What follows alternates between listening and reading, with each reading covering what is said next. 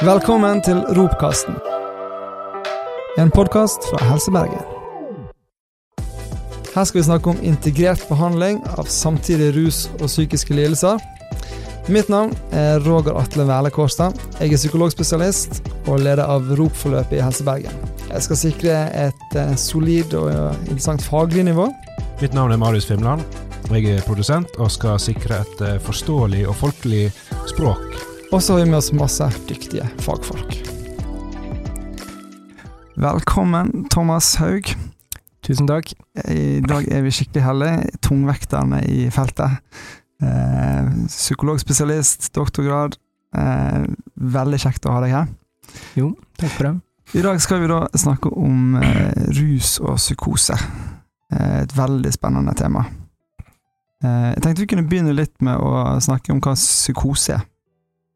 Ja, altså, psykose det er jo um, Altså, det, du finner jo det er, måte, Du snakker om psykoselidelser, du snakker om psykosesymptomer, snakker om psykosetilstander. Og det er et slags sånn fellesbetegnelse på at man på et eller annet vis mister grepet om virkeligheten. Og det kan, det kan være at man får eh, akutte tilstander altså, som kommer veldig brått. Eh, eller det kan være mer vedvarende, eh, langvarige lidelser som, som går over tid. Og eh, det er litt sånn forskjellige typer symptomer og, som er forbundet med ulike typer, tilstand, ulike typer diagnoser. men Fellesbetegnelsen er dette med at man har en eller annen form for realitetsbrist, at man enten helt eller delvis mister grepet om om virkeligheten. Og så har du en del symptomer som er forbundet med dette. Det kan være eh, f.eks. at man har eh, hallusinasjoner, at man enten ser ting eller som aller oftest ikke kan høre ting som ikke er til stede. Det kan være f.eks. at man hører stemmer som snakker enten til en eller om en. Også, eh, og en, så er det dette som vi kaller for vrangforestillinger, som er mer sånn fastlåste oppfatninger eh, som er feilaktige, beviselig feilaktige, som man da fastholder til tross for at man får informasjon som tyder på at dette ikke stemmer. Ofte kan det ha en, en litt sånn paranoid karakter, at, at man kan få opplevelser av at man er forfulgt, f.eks., for at eh, noen ser ute etter en, eh, eller det kan ha en litt mer sånn eh, ja, at man, at man, tror at man er en eller annen eh, person eller eh, skikkelse sånn som har en veldig sånn opphøyd verdi, altså eksempel å være Jesus eller være en engel utsendt fra Gud.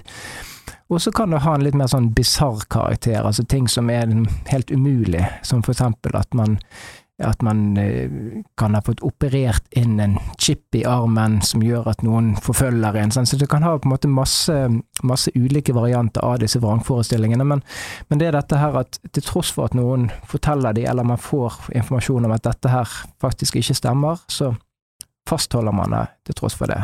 Ja, over tid. Mm. Så, så, psykose kan rett og slett det kan være, være litt forskjellig? Og, og, ja, men du har også sånn, du har noe sånt, men du har ikke sånn veldig klare sånn kjernesymptomer. Men, men, det er jo dette med vrangforestillinger og mm. også ofte hallusinasjoner, i hvert fall i forhold til de mest alvorlige tilstandene. Og så, så har du en litt mer sånn generelle ting, som at eh, ofte så sliter man med kognitive ting, som at man eh, Spesielt oppmerksomhet, konsentrasjon, at det, det er noe som, eh, som, påvirkes av dette her. Og også følelsene, altså at man kan bli mer sånn flat og affektflat, altså, eller at man får veldig sånn upassende følelser i, ja, i ulike situasjoner. Men, men, så er det jo da er det jo da forskjellig, altså Når vi snakker om psykose, så er det, er det et, et bredt spekter. Mm. Ja. Marius, du er jo litt mer fra det folkelige. Hva, hva, blir det, det folkelige begrepet på, på psykose? Hva er, hva, er, hva er, det? Nei, altså det er jo det, det, er jo dette man, det er jo denne tilstanden man snakker om ofte man bruker begrepet gal. gal. Ja, altså For å bruke et veldig folkelig uttrykk, da. Men, men det, det, er dette her med at man, at man eh, ja, på en eller annen måte mister litt sånn kontakten med virkeligheten og, og forholder seg det, til det på et vis, da. Mm. Mm, som uh, mm. Men det er, ikke, det er, ikke, som en drøm? Altså, du er Nei, altså det, det, kan For noen kan det jo Det kan oppleves litt som en drøm for noen. Altså, for dette her Eh, en del av symptomene, spesielt for denne tilstanden som er den mest alvorlige, som, som heter schizofreni, så, så kan dette her at man eh, får en følelse av at man Altså ikke bare, eh, ikke bare det at man har liksom feilaktige forestillinger om ting, men, men verden kan føles litt sånn uvirkelig og uekte. og eh, man, Noen beskriver det gjerne som at man liksom ikke helt klarer å skille mellom hva som er en sjøl og hva som er verden rundt. Og at på en måte det kan, ja, det kan være veldig sånn vage opplevelser, og noen kan beskrive det som, som en form for, for en drøm, men, men, det er ikke det samme som en drøm. Det, det er på en måte Ja. Det er noe som Ja. Det høres i hvert fall kanskje ut som et mareritt. Det, ja, det, det, høres ikke det, greit ut. Nei, det, kan være veldig, veldig skremmende for, for de som det skjer med, og, og eh, sant, dette her med Noe av grunnen til at man får disse vrangforestillingene som vi snakket om i sted, det kan rett og slett, rett og slett være at man prøver å forstå det som faktisk skjer med en. Altså at, at, verden ser plutselig annerledes ut, og kanskje at man får disse hallusinasjonene, at man hører det. Altså det er en del fenomen som skjer. Og så prøver man å finne forklaringer på dette her. Og da kan disse forklaringene være da fastlåste blir disse vrangforestillingene. Er det derfor det blir også fastlåst, for, at, altså for alternativet blir litt som verre, at man blir gal, eller? Ja? Altså det, du kan jo tenke sjøl. Eh, altså vi har jo alle en, en, forståelse av hvordan verden fungerer, og hvis, på en måte, hvis den forklaringsmodellen du har, som viser seg å ikke stemme, så vil man på en måte gjerne ha en del motstand mot dette. Og spesielt hvis, hvis dette her at, at, hvis man gir slipp på den virkelighetsoppfattelsen, så vil det ha noen konsekvenser for deg. Du, altså enten dette her at du innser at du, du, opplever noe som ikke er riktig, altså at du på folkelig da er, er gal, men også at man kan ha noen forestillinger om at dersom jeg ikke gjør disse tingene, så vil, vil jeg bli straffet på et vis, for eksempel. Altså det, at det kan være en del sånne typer oppfatninger som, som, gjør at man også blir redd for å gi, gi slipp på det. Mm. Og sånn kan alle bli, helt plutselig? Eh, altså, i prinsippet så kan man Altså, vi, vi har en sånn Eh, den modellen som man bruker for å forstå eh, psykoseopplevelser, er jo at du har Altså at man har en grad av sårbarhet for psykose som, som kan skyldes at, man har, at man, noen man er født med, at man har en genetisk utrustning eller eh, noe, noe, ved en som gjør at man er mer sårbar eh, for eh, psykose, og da gjerne schizofreni. Men det er også trengs at man opplever Altså man har en grad av stress for å, for å skulle utløse denne psykosen.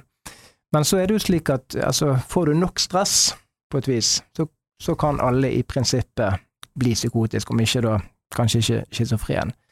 Sånn at hvis du, og hvis du går fem dager uten søvn, så vil du få en del fenomener, eh, opplevelser, som, som man også opplever ved psykose.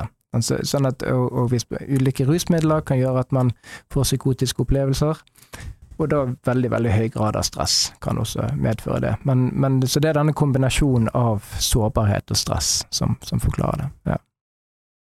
Det er akkurat det der med uh, den stress-sårbarhetsmodellen, og, og, at det her er noe som vi sånn sett alle kan oppleve. Det er jo litt skummelt, selvfølgelig, men det er òg noe som kanskje kan være litt sånn greit i forhold til at det ikke blir så veldig stort skille og, mellom de vi skal hjelpe, og, og, og oss andre, holdt på å si.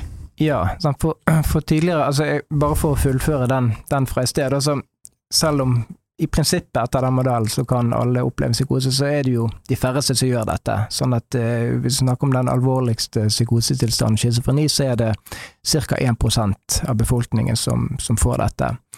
Så, men så kan man da få f.eks. akutte psykosetilstander som skyldes at man har en veldig stor grad av påvirkning, eller eh, kan være knyttet også til andre typer psykiske lidelser.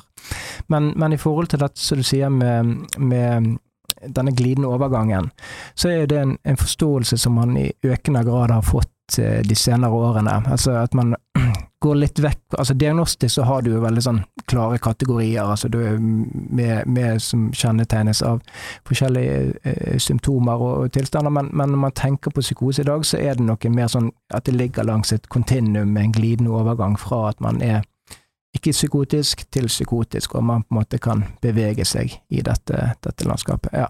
Og, at, og, og at, det da vil være og Det betyr jo også at det er mange ting som kan påvirke dette, her, og at man kanskje da kan hjelpe en til å unngå å tippe over til å bli psykotisk hvis man har en sårbarhet for dette, og også hjelpe en tilbake igjen. Ja. kan du si litt om hvilke sårbarhetsfaktorer hva, hva er det man vet som kan gjøre at noen blir mer sårbare og lettere blir psykotisk enn en andre? Ja, altså hvis, hvis, du ser på risikofaktoren, så er det jo den forskningen som, som er jo ingen tvil om at, at dette her å på en måte ha en eh, slektsbelastning, altså ha nære slektninger som har en psykoselidelse, at det, det, er helt klart den sterkeste, sterkeste risikofaktoren som har. Jo nærmere slektskap man har, jo, jo sterkere er, er risikoen. Sånn at, at, det finnes en form for sånn genetisk sårbarhet her, er det nok eh, ingen tvil om. Men så vet man at en del ting knyttet til eh, Ja, du kan kanskje forstå det som varianter av sosial fremmedgjøring. Altså dette her å være være innvandrer, og spesielt være innvandrer med synlig eh, Altså at man er en synlig minoritet. Og det gjelder også eh, hvis man er annen generasjons innvandrer. Det, det, er på en måte noe man ser at dette her er, er det større opphopning av psykoselidelser blant, blant de. Dette her har opplevd eh, veldig store belastninger eller traumer, og spesielt da i tidlig barndom, er man også blitt mer og mer opptatt av at dette ser ut til å ha kunne være en risikofaktor for psykose.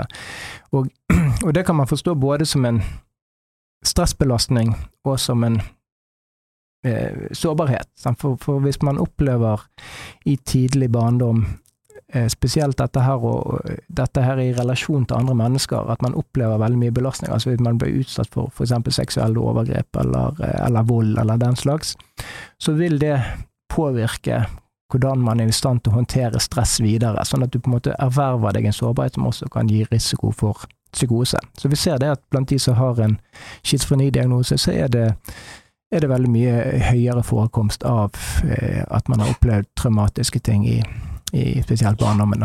Mm. Mm. Ja. Og så har man rusmidler, eh, spesielt cannabis, eh, noe som man vet at, eh, at, det er noe som kan øke risikoen, eh, sannsynligvis først og fremst for de som har en sårbarhet i utgangspunktet. Ja, og det, det finnes egentlig ganske mange forskjellige typer eh, risikofaktorer. Vi vet f.eks. også at psykose er mer, kommer, er mer hyppig forekommende i storbyer, som selvfølgelig kan skyldes at man trekkes mot storbyene, eh, men det kan også skyldes noen ting med at man har mindre sosial støtte og større grad av sosial eh, fremmedgjøring i byene. Så ja. Mm. Det, det, høres ut som at det, det er ikke så Det, det er ikke måtte være én en enkelt ting man kan si at hvis det så blir det på en måte, så er man de uheldige som får en, en alvorlig psykose eller schizofrenilidelse, men mm. det høres ut som det er summen av mange ting. Det er summen av mange ting, men, men ehm, ja, men, men, dette her at noen har en, en sårbarhet som til dels er, er, medfødt, er det i hvert fall en del ting som tyder på, i hvert fall i forhold til ja. ja. Når dere sier psykoselidelse, altså er det forskjellig, er det andre ting enn schizofreni? Ja, det, det, er det. Altså du har egentlig du har eh, Det som vi kaller for psykoselidelsene, det er da schizofreniene, som er den mest alvorlige. Så du, kan du få akutte psykosetilstander som da oppstår nokså plutselig, og som går over, over i, i, løpet av ganske kort tid. Og Det kan ha litt sånn forskjellig symptomutforming. så Noen kan ligne veldig på de symptomene man ser ved schizofreni. Noen kan være at man først og fremst er, har veldig mye paranoide forestillinger om ting, altså eh, som, eh, som eh, ja, at noen er ute etter en, for eksempel. Men, men dette er tilstander, tilstander som, kan, som, kan, gå over i løpet av kort tid. Så, så man har et sånn varighetskriterium, da, at, at hvis det varer i mindre enn 30 dager, psykoseepisoden, så vil det gå inn under eh, det som vi kaller for en akutt psykose. Mens går det over 30 dager, så, så vil man gjerne tenke, eller og lenger enn det, så vil man eh, tenke mer i retning av at dette kan være det som vi kaller for schizofreni. Så det er rett og slett bare varig? Det det ja, det er varighet, men også symptomutformingen, sånn at noen kan få noen kan eksempel, altså det som vi kaller for paranoid psykose, en, en tilstand der, der man først og fremst har én eller flere vrangforestillinger, men innenfor et avgrenset område, der man har disse forestillingene, og at de i en viss grad styrer hvordan man tenker om verden, men man har ikke så mye andre symptomer, og man kan egentlig fungere ganske godt på, på veldig mange andre områder, men man har denne her litt sånn isolerte vrangforestillingen, og det er noe som det er noe som eh, nok, altså som regel er vedvarende og egentlig veldig vanskelig å behandle også. Men noen kan også ha denne typen psykoselidelse og egentlig fungere ganske greit, med mindre de blir konfrontert med, med akkurat den. Og så kan du få psykosetilstander knyttet mer sånn til spesifikke eh, psykiske lidelser, f.eks. at hvis man er veldig deprimert, så kan det også gjøre at man får psykosesymptomer som da er knyttet opp mot, psykose, eh, mot eh, depresjonen, og tilsvarende hvis man har en mani, så er det også noe som kan gi psykosesymptomer. Og så, eh, har du dette med disse rusutløste psykosene. Så det, det, er på en måte det er et ganske stort spekter og mange, mange ulike tilstander. Mm. Og det hjelper ikke bare å si 'skjerp deg'? Det hjelper absolutt ikke. Det, det, det som uh, Altså, det som er viktig med psykoselidelser altså, Man må huske at i hvert fall i en akutt fase, så er man som regel veldig redd. Og, eh, og det man da gjerne det man først og fremst trenger, da, eller en av de tingene man trenger, er jo dette her å vite at man er trygg.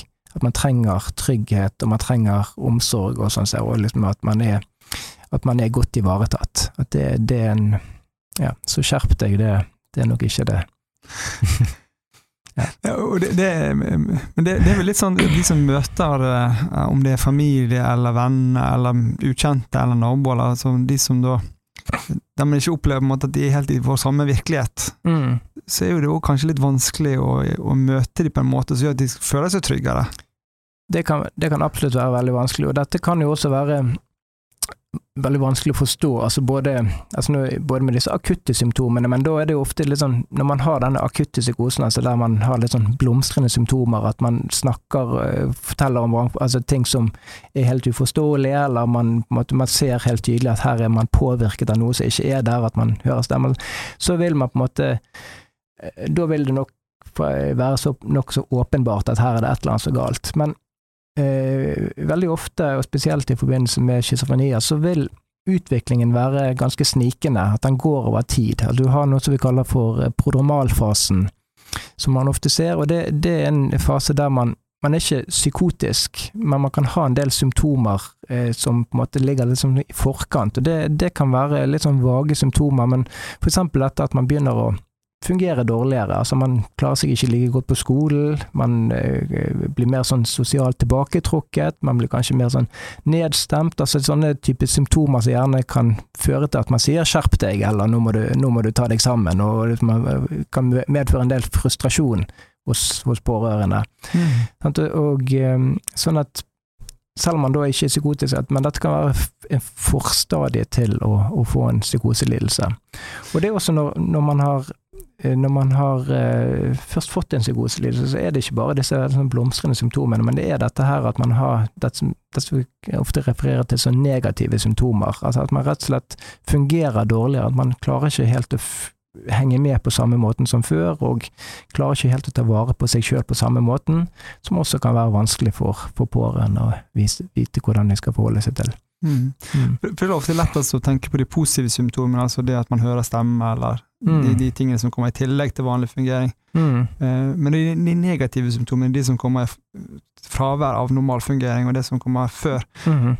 hvordan skiller de seg fra, fra, depresjon eller fra andre sånn? Hvor, tid, hvor skal man, en pårørende, være bekymret for ungdommen sin på en måte for at de trekker seg litt mer tilbake? og ja, nei, altså det, det, kan veldig, det, kan være veldig, vanskelig å skille mellom. Men men eh, altså det som du kaller for negative symptomer, det trenger ikke eh, Og det, det kommer som regel ikke eh, eller det kan komme i ulike faser, men som regel kommer det litt sånn lenger ut i forløpet. da. Men, men det, trenger ikke, det, trenger ikke, å være knyttet til noen sånn form for at man er nedstemt og på en måte trist og lei seg. Altså liksom det er mer en sånn form for sånn likegyldighet og sånn flathet i affektene sånn, som, som, vil være annerledes enn man gjerne ser for depresjoner. Selv om man også kan få det i forbindelse med depresjon. Og, og depresjonssymptomer er jo en del av de negative symptomene. Sånn at det, det, det, er, det kan være vanskelig å skille, men eh, ja.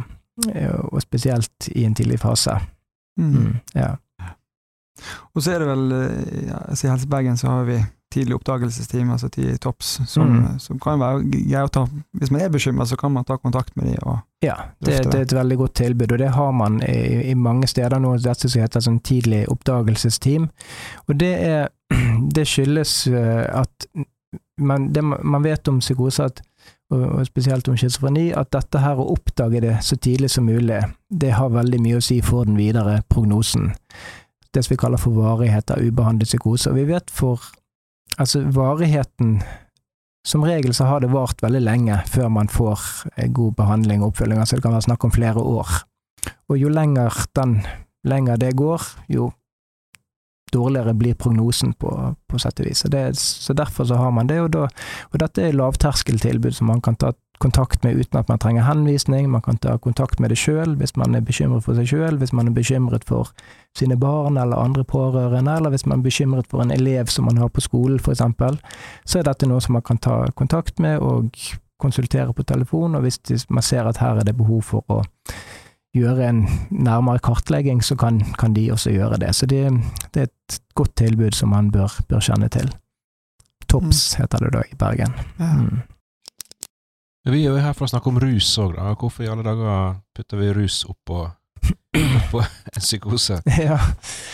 Nei, det, vi, vi, vet jo det at um, Altså det, det, er flere forskjellige måter som man uh, ser sammenheng mellom psykose og rus. Um, det ene er at um, vi vet at det er noen rusmidler, uh, spesielt amfetamin og cannabis, som, som kan medvirke til, eller ja, til at man får en psykose, enten en akutt psykose som man tenker knyttet spesifikt til inntak av rusmidler, eller at det er noe som kan bidra til, altså øke risikoen for at man utvikler en mer varig psykoselidelse. Og så I tillegg så vet vi at bruk av rusmidler er er vanlig blant eh, mennesker med psykoselidelser. Det er rundt halvparten av de som har schizofrenidiagnose, som også har en ruslidelse på et eller annet tidspunkt i løpet av livet, og bruken av rusmidler generelt er, er høyere blant, blant, mennesker med psykoselidelser. Sånn at dette med den samtidigheten er, er vanlig. Ja. Og så vet vi jo det at dette, hvis man, hvis man har et, sånt til, et rusproblem i tillegg til psykoselidelsen, så har det mye å si for hvordan det går, både i forhold til forløp, men det er også mye å si i forhold til hvilke behandlingstilbud man, man gjerne får. At man bruker mye tid på, på, ja, på å avklare mellom de. Mm. Mm. Men du sier amfetamin og, og, og hasj, da. Mm -hmm. eh, hva med alle andre rusmidler? Altså, sier du at, at folk med anlegg for eh, psykotiske situasjoner eller eh, hendelser, at de foretrekker de rusmidlene? Eller er det bare det at det er de to rusmidlene som Altså Når jeg snakker om amfetamin og, og cannabis, så, så, så, handler det først og fremst om de egenskapene som de rusmidlene ser ut til å ha i forhold til å kunne utløse psykosetilstander. Sånn at og, og, altså Amfetamin i forhold til å få akutte psykosetilstander, så er det egentlig ganske vanlig. At det er bortimot ja, mellom en fjerdedel og opp mot halvparten av de som har et amfetaminproblem en eller annen form for avhengighet, har på et eller annet tidspunkt eh, en, en, eh, fått en psykose som følge av amfetaminbruk. Det er altså en sånn akutt tilstand som går over i løpet av ganske kort tid. Eh, når det gjelder cannabis, så, så har det vet vi at det er en risikofaktor for å utvikle schizofreni. Altså sånn Generelt sett så er det en sånn dobling til en tredobling av eh, risikoen for å utvikle en schizofreni hvis man bruker cannabis. Men så, vi, så, er det selvfølgelig andre ting som påvirker dette. At, eh, at um, noen er som sagt mer sårbare, og så vil du selvfølgelig ha mye å si med hvor mye man bruker det, og hvor ofte man bruker det, og, dette med hvor sterk cannabis man bruker. Ja, ja. Så, så, det, så amfetamin og cannabis eh, handler nok litt om de, de, egenskapene som de har. Men så er det også sånn som du sier, dette med at de foretrekker at Vi ser også at dette med spesielt cannabisbruk da er, er mye høyere blant de som har psykoselidelser, enn man ser i befolkningen for øvrig, også i forhold til andre typer psykiske lidelser. Så det, det er et eller annet også med cannabis som ser ut til å på en eller annen måte at man, at man foretrekker det. Og det, og det når man har hatt, det er ikke gjort så mye forskning på det, men undersøkelser man har gjort, er der, de, der man har spurt pasienter altså hva er det som er bra for deg i forhold til å bruke cannabis, så har man sagt noe om at dette kan være noe som reduserer de negative symptomene, og at man kanskje får, at det hjelper i forhold til bivirkninger av medisiner. Og så er det noen, noen studier som er det er veldig foreløpig, og man skal ikke trekke noen konklusjoner fra dette, men, men cannabis har det er veldig mange forskjellige typer virkestoffer i cannabis, men de to vi kjenner best til, eller de vi snakker mest om, er det som heter THC, som er det psykoaktive stoffet i cannabis, som er det som er forbundet med ruseffekten. Og så har du et annet eh, stoff som vi snakker en del om, som heter CBD. Og CBD har ingen ruseffekt, men det kan ha en sånn form for sånn dempende effekt, og eh, noen foreløpige studier tyder på at CBD faktisk kan ha en positiv påvirkning på psykosesymptomer. Sånn at det, det, det, kan ha noe med det å gjøre, at denne CBD-effekten også kan, kan, hjelpe. Men det, det, det, er jo litt viktig å vite i forhold til når man ser på cannabisen som er på markedet i dag, at der ser man at THC-en øker veldig. Altså man har en firedobling av, eh, av eh, konsentrasjonen av THC i cannabis som finnes i dag, eller som beslaglegges av eh, tollvesenet, mens nivået av CBD har gått ned. Sånn at, ja så det er litt sånn i, i, forhold, å, i forhold til å tenke rundt risikoer på dette, og hvordan det påvirker. Ja. Men dette, dette, er litt sånn, dette med CBD er litt, litt usikkert foreløpig, mm. men interessant. Ja. Så det, det, høres jo litt bekymringsfullt ut at det, i forhold til utvikling av psykose, da, at det kan, være, det kan jo være at det er flere som får eh, psykosesymptomer med at hasjen og cannabisen er endra. Ja, altså det er jo ting som kan altså det er ting som kan altså det, det har jo vært mye diskutert dette her, og, og, tidligere så har man har man på en måte sagt Man har diskutert dette med altså at, at cannabis er en risikofaktor for psykose, det er ganske sånn veletablert i, i litteraturen nå. Men noe av argumentet mot dette har tidligere vært at man har ikke sett en økt forekomst av schizofreni i befolkningen som man skulle forvente mm. når man ser at cannabisbruken øker. Så det har liksom vært en sånn, sånn kontrovers i dette, da. Ja. Men det som man har sett nå, nå er det noen helt nylige studier. altså i, sånn, i, i, de skandinaviske landene så har vi jo ganske gode, veldig gode registerdata. Så der kan vi på en måte følge store befolkninger og ha mye informasjon om de. Og der har man sett nå helt, helt nye studier der man har sett at um, eh, Cannabisutløste psykoser har økt de siste Man snakker om ca. en dobling i løpet av de siste eh, ti årene i de skandinaviske landene. Det ja. kan selvfølgelig handle om at man blir flinkere til å fange det opp, men, men det på en måte sammenfaller både med dette at cannabisbruken blant spesielt unge har økt, og også dette at styrken på cannabisen har jo da, som jeg sier, blitt, blitt økt mye. Og i Danmark så har man også sett at, eh, at forekomsten av schizofreni har økt i, eh, blant unge i, i, en periode som også sammenfaller med dette. Sånn at det, Man kan ikke trekke noen konklusjoner Nei. ut fra dette, men, men, det er ting som kan tyde på dette. Og det, og det, er jo det man ser fra forskningen også, at man, man ser en sånn generell sammenheng mellom cannabisbruk og, og schizofreni. Men man finner også dette med en sånn type sånn dose-respons-sammenheng, altså dette med at omfanget av bruken har noen ting å si, styrken på cannabisen har noe å si, og det, det er jo noe som styrker den antakelsen at her er det en, en faktisk sammenheng. Mm. Og så vet vi også at dette med hvor tidlig du begynner å bruke som cannabis har veldig mye å si. Altså, sånn så, hvis du, ja, det er stor forskjell på om du begynner å bruke cannabis når du er 15 år og har en sårbarhet, enn om du er 22 år eller 25 år, eller ja. Mm. mm. ja. Men eh, i forhold til sånn legalisering, sånn, så vil det sikkert mange komme med argumentet at hvis man da kunne hatt vite hvor masse THC og hvor mye det er eh, CBD det er at det, det ville vært et argument for legalisering. Ja. Vet man noe om det der, der man har legalisert det? Er det eh, altså ja, jeg, jeg tenker altså dette med legaliseringsdebatten er jo litt på siden av for Vi må huske på at, at selv, om, selv, om, eh, cannabis er en risikofaktor for psykose statistisk sett, så er det på en måte snakk om at det øker en forekomst som i utgangspunktet er lav. Altså det, det er på en måte sånn at det, det, man går Hvis vi skal ta det på hele befolkningen, da, så er det det går fra 1% til 2% generelt, da.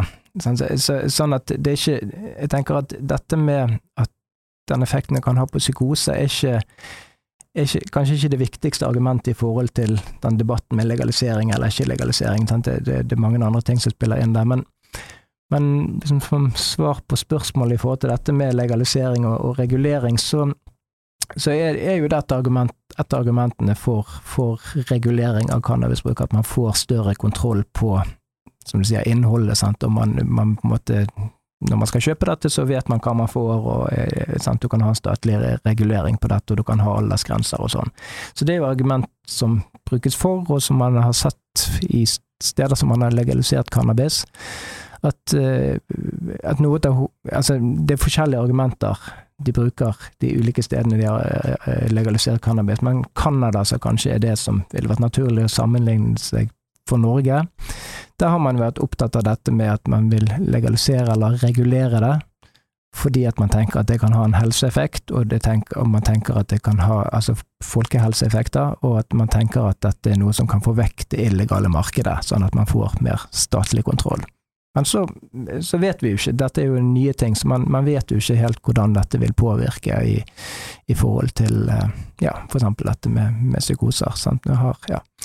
Men, eh, men eh, dette er et spørsmål som handler om mye mer enn dette med, med psykose. Ja. Mm, ja.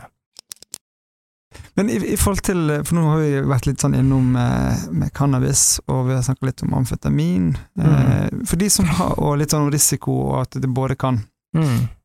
Øke risikoen for å få en psykoselidelse, men òg at det kan gi psykose ved bruk. Mm. Eh, hvis vi snakker litt om de som har en psykoselidelse, og hvordan effekten av rusmidlene er på de.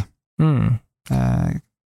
Eh, det, kan du si noe om hvordan vil en som har en schizofreni, hvordan vil det, det er litt, altså, vi, vi, vet sånn, altså, Helt sånn på gruppenivå sånn, så vet vi det at har du et samtidig rusproblem når du har en psykoselidelse, så, så, er det noe som gjør at du har en dårligere prognose, altså det er generelt sett. Og så, og så ser man også at når man behandler mennesker som har både en ruslidelse og en psykoselidelse, så vil dette å slutte å bruke rusmidler vil ha en positiv effekt på, på utfallet. Sånn at eh, generelt så vil jo det ha en nokså sånn negativ effekt. Og så har du jo det at noen av disse rusmidlene har en spesifikk virkning som kan bidra til at man får nye psykosetilstander. Ja. Sånn at um, generelt sett så ville man jo, eh, ville man jo eh, ikke anbefale for en som har en psykoselidelse, å bruke denne typen rusmidler. Ja. Nei, og så er jo den ja, det, det, er jo gjerne De opplever jo noe, kanskje noe positivt, i og med at de, altså, funksjon som kan være hva, hva funksjon hva kan være som gjør at vi, hvis vi skal prøve å forstå hvorfor de bruker noe som da tydeligvis på, måte på gruppenivå vil forverre en, en, en sykdom, hva er det, hva er, hvordan opplever de sjøl at det kan Nei, jeg, altså jeg, litt sånn, jeg nevnte jo litt i sted dette med, med cannabis, sant? og der har man jo gjort noen undersøkelser og prøvd å spørre de nettopp om dette. og Da er det jo noen ting som går Det er spurt om ting som går sånn litt sånn spesifikt på psykosesymptomene, der noen sier at uh, cannabis kan ha en god effekt for noen på, på dette. Uh, amfetamin er der kan jeg ikke svare så godt akkurat i forhold til sånn symptomer, det er vanskelig å se for seg at det kan ha en veldig gunstig effekt på psykosesymptomene i seg sjøl, fordi at den har så liksom sterk akutt virkning direkte på, på eh, positive psykosesymptomer. Men nå er det jo sånn at mennesker som har psykoselidelser og schizofreni, de, eh, de, de, har jo Altså, ruse seg har jo positive effekter for alle mennesker. Altså man, det er en grunn til at man gjør dette, at man setter pris på den effekten. Og sånn vil det også være for de som har ruslidelser. Nei, unnskyld, psykoselidelser. Og kanskje hvis man i tillegg er ikke i jobb, liksom er, lever litt sånn på utsiden av samfunnet, er gjerne knyttet opp mot litt marginaliserte miljøer der dette brukes mye, så så vil jo det ha den funksjonen der, på samme måten som for andre som sliter med, med rusproblemer. Så det, så, kan måte, så det trenger ikke å handle om tilstanden i seg sjøl, men litt mer med sånn andre risikofaktorer for, for rusbruk, og der vil det ha, ha, de samme funksjonene, da. Så selv om, og det er ikke alle det er ikke alle som blir psykotiske av cannabis, selv om de har en psykoselidelse. Ja, så, så det, måte, det, er også et litt sånn komplisert spørsmål, men, men det er nok man må nok ta med altså, de positive effektene det har for de som har psykoselidelser. Uh, og så er det vel ofte at, eller noen ganger at de kortvarige effektene er noe andre enn de langvarige effektene. Jeg husker ja. for en pasient som jeg hadde som uh, var veldig kaotisk og var egentlig litt sånn vanskelig å samtale med, og tankene og mm. men, så en gang så, uten at vi visste det helt, så uh, hadde vedkommende brukt amfetamin, og var da veldig mye mer samla og hadde Mm. god innsikt og veldig flott samtale. Tenkte nå er det nå Ja. går det her bra! ja, ja. så, men så noen dager etterpå så, så ble, jo det, ble jo det verre. Ja. Og En annen pasient jeg hadde, han forklarte litt sånn at når han brukte opiater, så tok ikke det vekk måte, de positive symptomene, men han ble ikke så redd de. Nei. Så, så det var litt lettere for han å forholde seg måte, til de, de plagsomme. Og det det er selvfølgelig litt altså Når du snakker om opiater, og det vil jo også gjelde f.eks. alkohol og mer sånn vanedannende, angstdempende medikamenter, så har denne dempende effekten. Det, det vil jo også? Nettopp dette at det demper spesielt angsten, at, eh, som vi jo ser i forhold til mange forskjellige typer psykiske lidelser. Så ja. Mm. Men hvis vi skal litt sånn inn eh, om behandling, hvordan skal vi hjelpe de her som ja, Både i de Når de er, er redde og, og bekymra, men ja, og, hvordan skal vi på en måte få hjelp til med livsfunksjon, og eh, hva gode råd har du der? Mm, Ja. Nei, det Altså der, Hvis vi nå holder oss til de som har da psykoselidelser, sant, som har litt mer varig, så, så er jo det Trenger man jo ofte masse forskjellige typer tiltak eh, mot forskjellige problemer. Eh? Men, eh, altså, er man i en akutt psykotisk fase med masse, masse symptomer, så trenger man jo å dempe de symptomene. At det, det på en måte akkurat da er det kanskje det viktigste. Og der er jo medikamentell behandling noe som, som eh, er anbefalt, og som brukes, og som har effekt på, på å dempe, dempe dette her òg. Sånn at det har en eh, god effekt i akuttfasen, og så har, har det også vist seg at eh, det å stå på medikamenter over tid, at det kan forebygge nye, nye episoder. Så dette her med medikamentell behandling er en viktig, viktig del av behandling for, for psykoselidelser. Og så er det jo dette med å få hjelp til å forstå altså så Også selvfølgelig i akuttfasen også, så er det dette med at man får trygging eh, fra, fra de rundt, hjelp til å forstå symptomene, eh, ja, den type ting. Og, og i en akuttfase så er det jo ofte nødvendig at man er innlagt på en sykehusavdeling, med, der man har personell som er, kjenner godt, er kompetent i forhold til dette. Og så, men, så, eh, og så, og så, men så vil det jo være dette her og ting som er rettet med hvordan man skal fungere videre. Både hvordan man skal håndtere symptomer og vansker knyttet med dette, eh, hvordan man skal forstå det, disse symptomene, men også ting som handler om liksom, daglig fungering og, og liksom, liksom, få hjelp til at man fungerer og har et godt liv. Og der, der er sånne ting som altså, For alle er det jo viktig å ha et meningsfullt liv med, med godt innhold. Og dette eksempel å komme seg i jobb eller skole eller eh, den type ting er jo, er jo utrolig viktig? For, for at man skal få, få hjelp til å få et meningsfullt liv. Eh, så, det liksom går både, man må tenke både på ting som kan dempe funksjoner og dempe eh, symptomer. Og så vet vi det at eh, for psykoselidelser så er dette å jobbe med nettverk og familie veldig viktig. Så noe av det som har vist seg å ha best effekt, spesielt i forhold til å forebygge tilbakefall for nye, nye episoder, det er dette å jobbe med eh, jobbe med familien, med det som vi kaller for psykoedukasjon, altså hjelpe de som er rundt til å forstå hva den det gjelder sliter med, og få hjelp til sånn, hva kan vi som familie gjøre for at dette skal bli bedre, og eh, hvordan kan vi hjelpe, liksom, hva kan vi gjøre hvis det, vi ser at det kommer nye kommer symptomer, eksempel, hva kan vi gjøre da?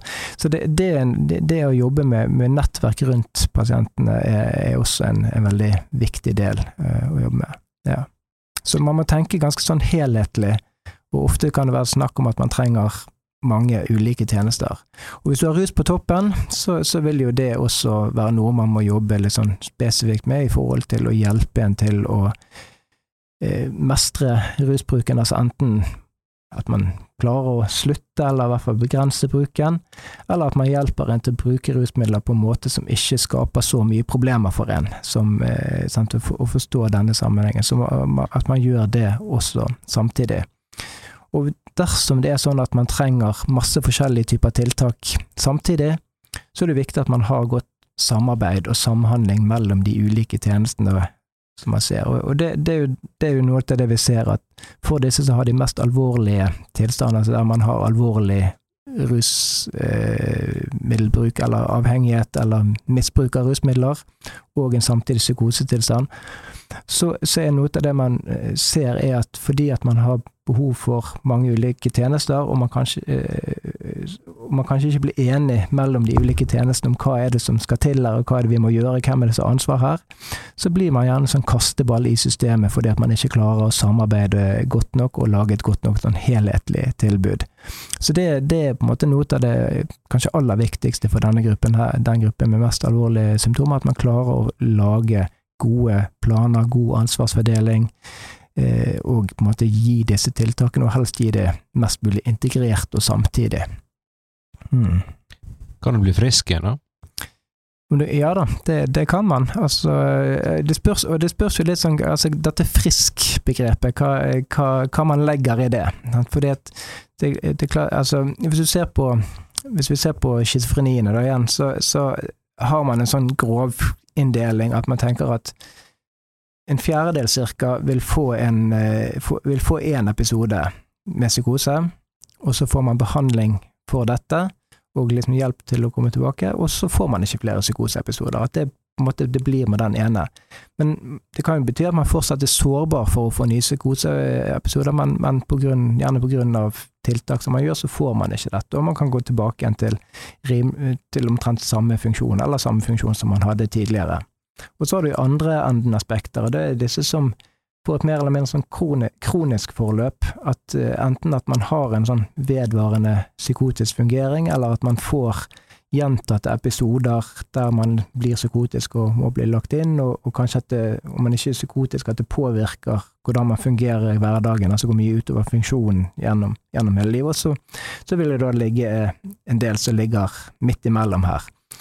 Men, men, det er sånn at man, eh, man kan miste en schizofrenidiagnose på et vis. Altså det, det, kan man absolutt i prinsippet gjøre, men så, så, vil man jo da tenke at dette her, at det er en sårbarhet som man kanskje må ta, må ta hensyn til videre. Ja. Eh, og når det gjelder når det gjelder eh, disse andre mer akutte psykosene, så er det jo, er det jo sånn at ofte så vil jo det være snakk om én episode, og så, og så får man ikke flere psykoser. Altså man har ikke denne schizofrenidiagnosen. Og det kan også være for disse rusutløste psykosene.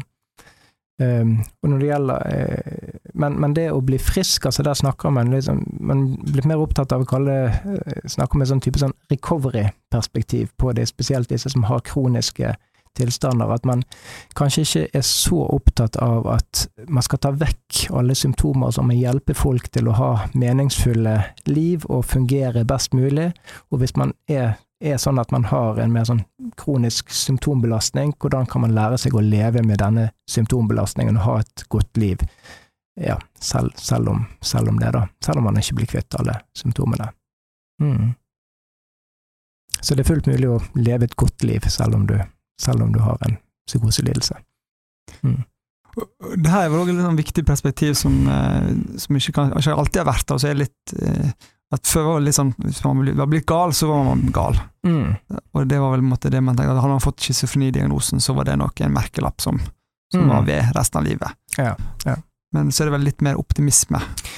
Og, ja. og, og som sagt, det med, med, med, med, hva som er frisk, og hva som er god fungering og viktig for den mm. som har, to, kan, kan, være forskjellige ting. Ja, det kan være sant, og, noen kan da, hvis vi sier, tenker at fravær av symptomer og ikke nye psykoseepisoder, sånn, så, så, er det jo noen som da blir, blir frisk. Sant? Og noen blir også frisk, eller blir ikke psykote på nytt og blir kvitt psykosen også uten medikamenter. Men, eh, men det, vi vet ikke helt hvem, hvem dette hvem dette er, på en måte, hvis du tenker på, igjen på, på schizofrenien. Ja. Og så er, Det høres ut som at, altså de akutte fasene, sant? Altså der man har masse uh, mm. symptomer og hører ting, og, mm. og, og, så at det er jo noe å bli kvitt det, men så er det òg kanskje de som er vanskelig å bli kvitt av de negative symptomene som har funksjonen, og, ja. og, det kan kanskje være mer viktig for pasienten å, få hjelp mm. til det. Ja, og, og, og, der er det igjen tilbake til dette her at hvis man har mye av altså, hvis vi sier funksjonstap, da, på et vis, eller sånn at man ikke helt klarer å fungere på samme måten som man gjorde før, at man ikke er helt i stand til Så, så må man liksom, Ok, hvordan kan vi tilpasse eh, ting rundt deg til at du skal få et godt liv med de på en måte vanskene som du dessverre har fått, på et vis. Ja, som, som, kan handle om dette. At man f.eks. ikke har samme kapasiteten til å jobbe hele dagen, eller til å konsentrere seg om å gå på skole, eller sånn. Så, så dette å på en måte finne en god, god tilrettelegging for det, og en god ja. Og, det, og, det, handler jo om andre ting enn dette her å dempe symptomene. Det handler om å hjelpe til å få et godt og meningsfullt liv. Mm. Litt sånn uh, i forhold til det med rusutløste tilstander, og akutte tilstander og litt mer sånn langvarig som for, hvordan er det, Har du noen gode råd? Hvordan skal man skille det her? Hvordan, når man skal utrede, når man sitter som behandler eller som pårørende, hvordan skal man gi til kan? Ja, altså, de, de altså rusutløste psykoser, altså, som regel eh, så går de er det på en måte altså For at man skal kunne kalle det en rusutløst psykose, så skal man skal man kunne på en måte direkte eh, relatere tilstanden til et rusinntak, og på en måte, men som varer sånn som, Men at det, den, disse psykotiske opplevelsene vedvarer utover effekten av, eh, av rusmidler, da. Sånn at, eh, men som regel så er dette noe som demper seg i løpet av ganske kort tid for, for mange. Og spesielt altså når vi snakket om amfetamin og, og cannabis i sted, og spesielt disse amfetaminutløse psykosene går ofte eh, fort over. Men, men så, eh, og, og, så er det jo så er det jo sånn et varighetskriterium for å få en schizofrenidiagnose. Så, så oftest vil man se det, ok, nå har vi fått en rusutløst psykose, og så blir man skrevet ut, og så, for mange, så vil kanskje det gå bra. Men så, så ser vi at det er noen som får gjentatte rusutløse psykoser, som kanskje ikke har en varighet som går utover et par dager eller, eller noen uker, hvor man blir skrevet ut igjen, men, men, men på en måte eh, men eh, får man gjentatte rusutløse psykoser, så er det også noe som på en måte har stor innvirkning på funksjon. Og, eh, og, noen ganger så tenker man kanskje at man er litt for opptatt av dette her, at man skal ha denne her varigheten. For denne varigheten det er også et diagnostisk krav at man skal være rusfri, altså man ikke skal være påvirket av rusmidler i denne perioden. Og det kan ofte være vanskelig å, å eh, oppfylle, for, spesielt hvis du har et problematisk bruk av rusmidler. Så det som kan skje, er at mange pasienter går og egentlig skulle hatt mer sånn psykosespesifikk oppfølging, men blir på en måte kategorisert som en rusutløst psykose, og at da er det andre som har ansvaret for, for oppfølgingen videre. Og vi vet det at altså, eh, blant de som får, de som får en cannabisutløst psykose, hvis du følger de over tid, så er det eh, over en tredjedel i gjennomsnitt da, på de studiene som er gjort, som senere får en schizofrenidiagnose. Og det er like høyt, altså det er like mange som blant de som får en akutt psykose som ikke er rusutløst. Sånn at det, det, på en måte, så dette at en tredjedel faktisk får, får en schizofrenidiagnose, det, det, det, gjør at man skal, man skal, ikke avskrive dette her som på en måte ok, nå må du slutte med rusmidler, og så, og så er det ferdig, så ordner det seg.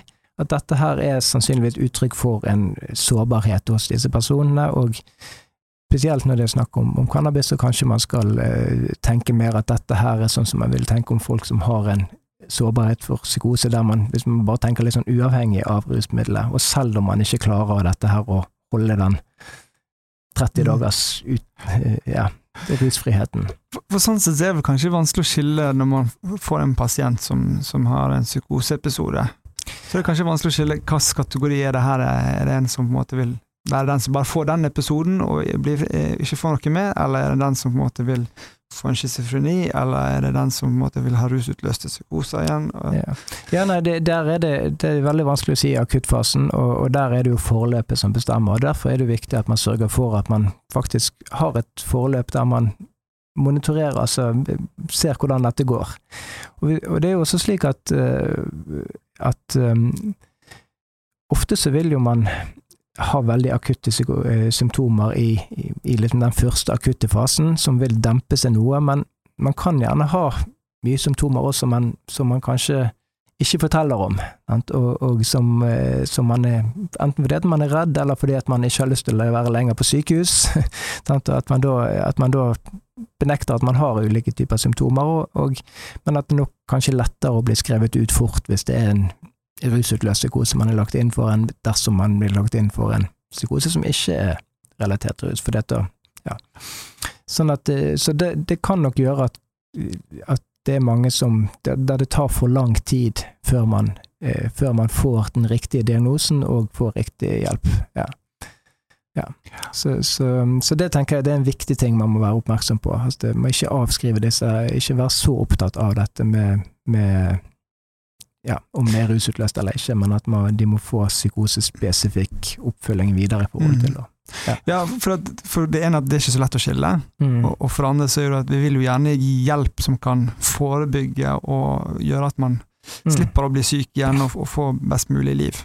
Ja. og da er det vel best å komme tidlig til med gode det, oppfølging og tiltak. Så, altså, det er jo som, som nevnt i sted, det er jo en av de aller viktigste tingene, dette her med, med å få tidlig, tidlig intervensjon. Ja. Mm. Mm. Ja, nå har vi vært innom eh, Vi har både snakka om psykose, hva det er for noe. Prøvd eh, har, har, det blitt forståelig, Marius? Tror du det? Ja.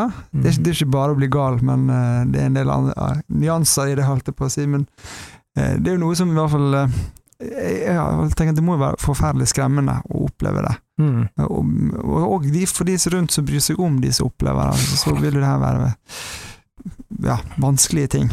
Uh, ja. Og så er det godt å høre at med, med, med, med, god behandling, med kombinasjon av medisin og med mange andre tiltak, så er det mulighet, gode muligheter for at her, man kan få god hjelp og gode liv. Ja, det, det, det er det absolutt, altså. Men, ehm, men eh, som sagt, er viktig dette her å komme tidlig til, og at man får de nødvendige tiltakene. Og hvis man har behov for mye forskjellige ting, at man på en måte får det samtidig og integrert. At det, ja, nå ja. vi snakker om denne sammenhengen. Da er jo det òg det her med ROP-forløpet som vi mm. har i Helsebergen, som skal sikre eh, det her er at, at de, alle gode kreftene kommer til å jobbe best mulig. Mm. Eh, ja. Så da eh, lurer jeg på om vi takker så mye for, til deg, Thomas, og håper at det har vært interessant, og at det kan gi litt eh, råd og trygghet i hvis, hvis man kommer som en pasient med den type problematikk.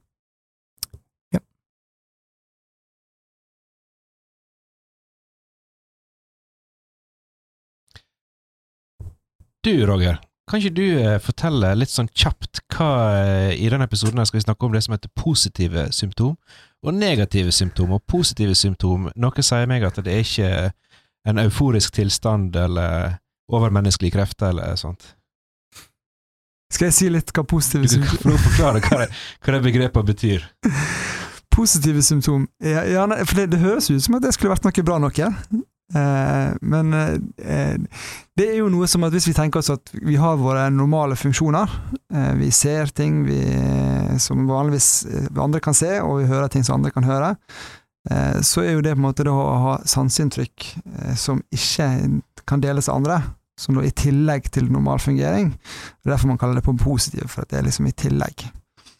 Eh, mens negative, da handler det mer om at eh, funksjon som vi vanligvis har, altså det å klare å ta vare på seg sjøl, det å spise, sove, spise tenner, pusse tenner og alt sånt, når det forsvinner, så blir det negativt, så da blir det noe som blir tatt vekk. Og så blir det òg negativt i den forstand, så lettere kanskje å forstå negative symptomer. Men, ja. Var det forståelig? Takk.